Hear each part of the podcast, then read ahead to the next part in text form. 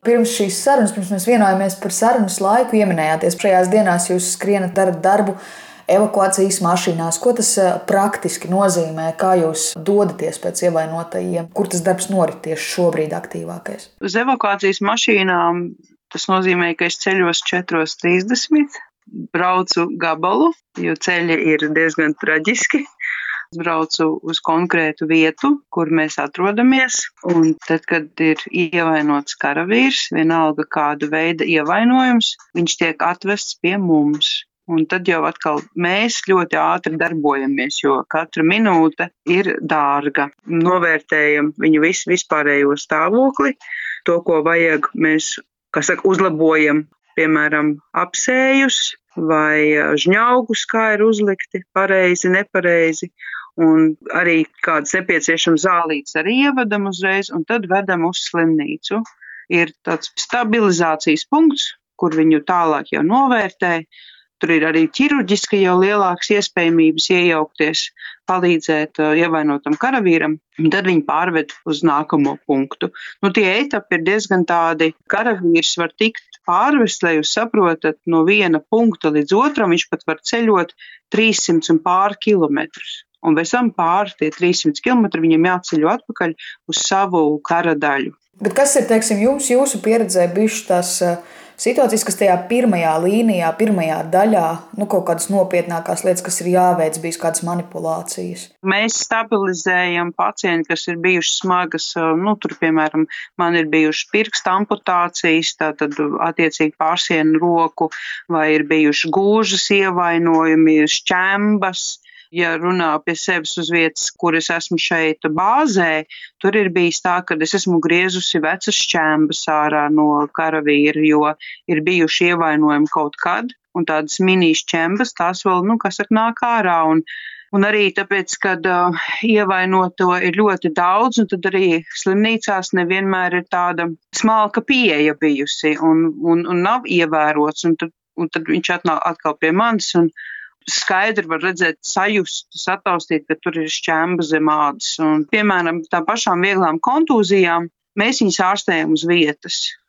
Protams, tāpēc, ka mēs esam bataljons, Mums nav tādas medpunkta iespējas kā, piemēram, brigādēm, kur ir tāda tā maza slimnīciņa, kur ar gultām guļa un tur ārstējās. Mums tā nav. Mēs esam frontē. Mums visam jābūt ļoti ātri un um, nu, visvienkāršāko veidu, kā mēs varam palīdzēt. Tie pamatā ir karavīri vai arī civiliedzīvotāji? Protams, jo tur, kur mēs atrodamies, te ir arī civiliedzīvotāji, un, un ir dažādi iemesli, kāpēc civiliedzīvotāji nav aizbraukuši no savām mājām. Viņi ir šeit, un arī, protams, ir ievainojumi, jo artilērija, raķetes un uh, bumbas, aviācija, droni lido, un cilvēki ir ievainoti un arī nogalināti.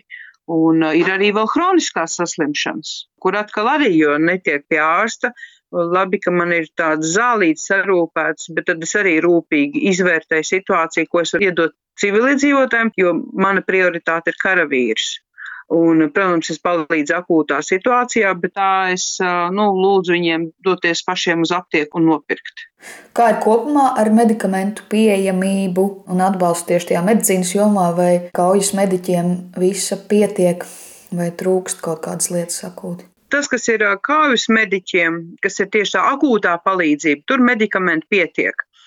Tos mēs sarūpējam, to brīvprātīgie dod, arī armija, protams, dod, bet vairāk ir varbūt problēmas ar hroniskiem pacientiem. Bet, nu, es esmu diezgan tā mēģinājusi uzrunāt vairākas, pat ne organizācijas, bet tieši karavīri. Un karavīri viņiem ir, kā saka, gali, atkal, kas var viņiem palīdzēt. Un tad caur to, un tad arī mēģinam kooperēties. Piemēram, man ir kaut kādi medikamenti, kas es zinu, ka man noteikti nav nepieciešami, tos tad es iedodu slimnīcai, un tad atkal slimnīca kaut ko iedod man. Un tad, nu, tāds barters. Kā es saprotu, Sarmī, tad šajā nedēļas nogalē aprit tieši pusgads kopš darbojaties kā mediķis Ukraiņas frontē. Es esmu nu kopš 24. septembra Ukrainā un kopš 16.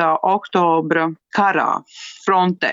Nu, sajūta ir tāda, ka veselu mūžību pagājuši, jo Mēs dzīvojam ļoti strauji, tāpēc es arī saku, pateicīgi par katru dienu. Ne, un, un, piemēram, man iesākumā bija ļoti, ļoti grūti, bet uh, tagad es arī nu, sēdēšu, ka pieradu, bet uh, sadzīvo ar daudzām lietām, un es esmu parādījusi rotai karavīriem, kā redzu, kā vajadzētu būt, tāda savstarpēja miedarbība. Un tagad jau jūtos emocionāli arī un fiziski daudz labāk, jo karavīri redz, viņi saprot, un uh, viņi redz, ka tas viss ir par labu viņiem. Bet, nu jā, tāds nogurumiņš ir. Bet vai jūs atceraties arī to brīdi, kad jūs pieņēmāt lēmumu, ka ir jābrauc uz Ukrainu? Kā jūs izlēmāt to? Mans lēmums bija palīdzēt patiesībā jau 2014. gadā, un es esmu to teikusi. Mums nebija tādas tiesības to darīt, arī likumdošana neļāva, bet tagad, kad bija kara eskalācija pilna, spridzina Kijevu un Man tiešām nebija jautājumu, es zināju, ka es to darīšu. Tāpēc, kad nu, man ir eh, pabeigts bakalaura grāds teoloģijā un reliģijas zinātnēs, un es mācos vēsturi maģistratūras programmā. Ka tas tāds komplekss, tas nav vienkārši tikai medicīna, tas ir arī vēsturisks aspekts un, un arī sirdsapziņas ticības jautājums.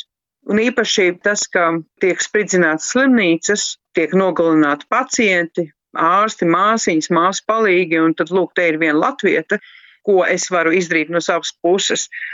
Un vēl ir tas, ka ļoti liels, aspekts, es rakstu maģistra darbu tieši par sievietēm Nacionālā pretošanās kustībā. Tieši pētu to sanitāro funkciju meža apstākļos.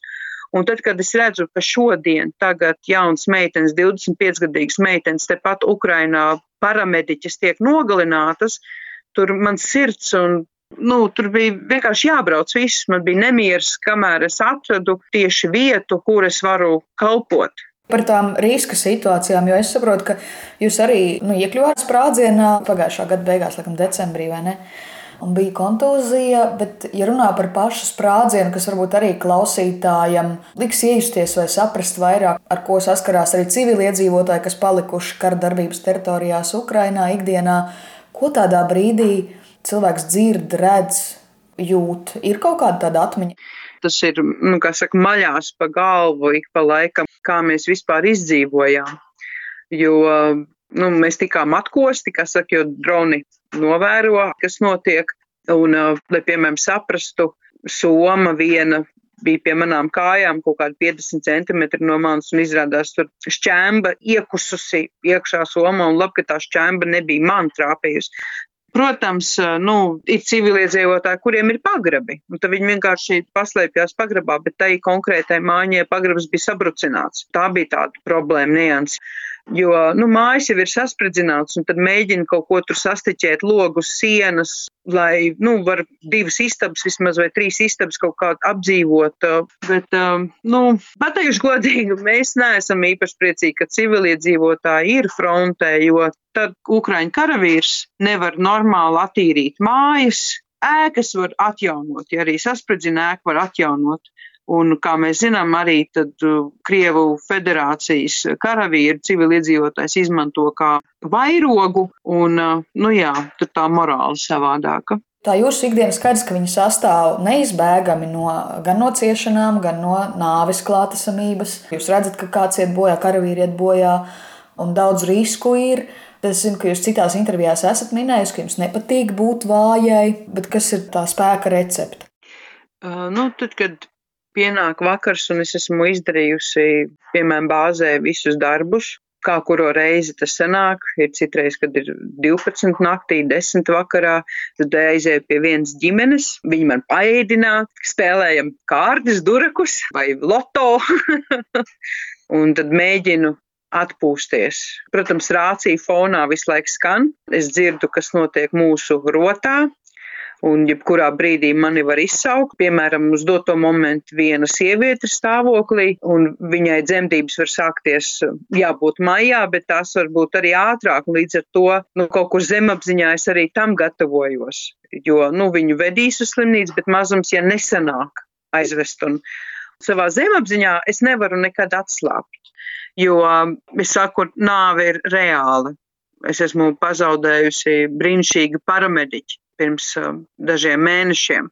Un uh, es nerunāju par um, vispār ievainotiem karavīriem un, un, un nogalinātiem. Jo katra nāve tā ir traģēdija. Bet tas spēks ir arī tā vietējā kopiena, ģimene, jā, kā jūs teicāt. Jā, tieši tā, piemēram, uh, nu, viens vīrietis aizgāja bojā, un sieva viņa tik ļoti pateicīga par tām rūpēm, ko es devu viņai un viņas sunim. Un arī nu, tā pēdējā cieņa arī viņas vīram, kas tiek parādīta, un tad viņi nāk, un tad viņi kaut ko atnes, kaut kādu mazumiņu, un tas atkal dod to spēku, un, piemēram, nu, piemēram ir ievain, nu, karavīrs, jā, viņam tur ir plauš karsons, bet viegls plauš karsons, tas slimnīca viņu nevajag vest, un pēc divām dienām viņš pasaka, klausies, paldies, Semī, par zālītēm, man, man ir ļoti labi, un tas pilnīgi tāds, ah, oh, prieks, es, nu, saprotu, tāda maz tādas niansītes, kas dod to prieku. Tādas ikdienišķas lietas, kad mēs savā starpā viens otru iepriecinām, un es esmu, jāsaka, kaut kur sīkumainu, un es redzu tās mazās lietiņas, un tieši tās mazās lietiņas man iepriecina un dod arī spēku. Tās lielās lietas jau pēc tam. Nu, bet, Sarmīt, tikmēr šeit Latvijā Jūs nu pat esat atzīta par gada cilvēku medicīnā. Kā tā ziņa jūs sasniedz, kā jūs reaģējāt? Ko tas nozīmē, tāda nozares atzinība? Nu, man, es esmu kontaktos ar uh, māsu asociācijas prezidentu Dītu Raisku. Un um, viņa man atsūtīja WhatsApp ziņu, ka Latvijas ārsta biedrība vēlas man sakontaktēt. Tad es pateicu, kā var man sakontaktēt ar to pašu WhatsApp. Un pēc tam es saņēmu ziņu es lasīju, nu, es pasagodīgi, man kājas bija augstas, aizsitās elpa, jo nu, es neko tādu negaidīju. Es aizbraucu uz Ukraiņu klusiņām jau un, un daru savu darbu, bet es biju bez vārdiem. Tas ir tāds ļoti, ļoti liels pagodinājums, kas arī prasa ļoti, ļoti lielu atbildību. Nu, mans mērķis, protams, ir līdz uzvarai. Es jau, protams, gribētu, lai uzvara būtu tagad, vakardien, kā mēs sakam. Mēs visi gribam, lai karš beidzas daudz ātrāk. Mums ir šī cerība, ka būs ieroči un mēs varam uh, cīnīties un uzveikt Krievijas federācijas armiju. Jo, nu, nogalināts karavīrs, tur ir ģimene, tur ir draugi, tur ir iznīcināta dzīve. Un arī tagad mums ir trīs puiši, kurus mēģinam dabūt no ierakumiem ārā, jo mēs savējos savācam. Mēs neatstājam kā Krievijas federācijas armija. Es tiešām negribu, lai Latvija kaut ko tādu piedzīvo atkal, ko mēs esam jau piedzīvojuši, un, un varbūt savā ziņā arī tāpēc es esmu šeit, Šis karš ir sācies Ukrainā un karam ir jābeidzas Ukrainā. Es neglābu pasauli, bet es varu glābt uh, konkrēti cilvēku, kas ir manās rokās. Paldies, Sarmīt! Paldies! Lai veicas! Atā.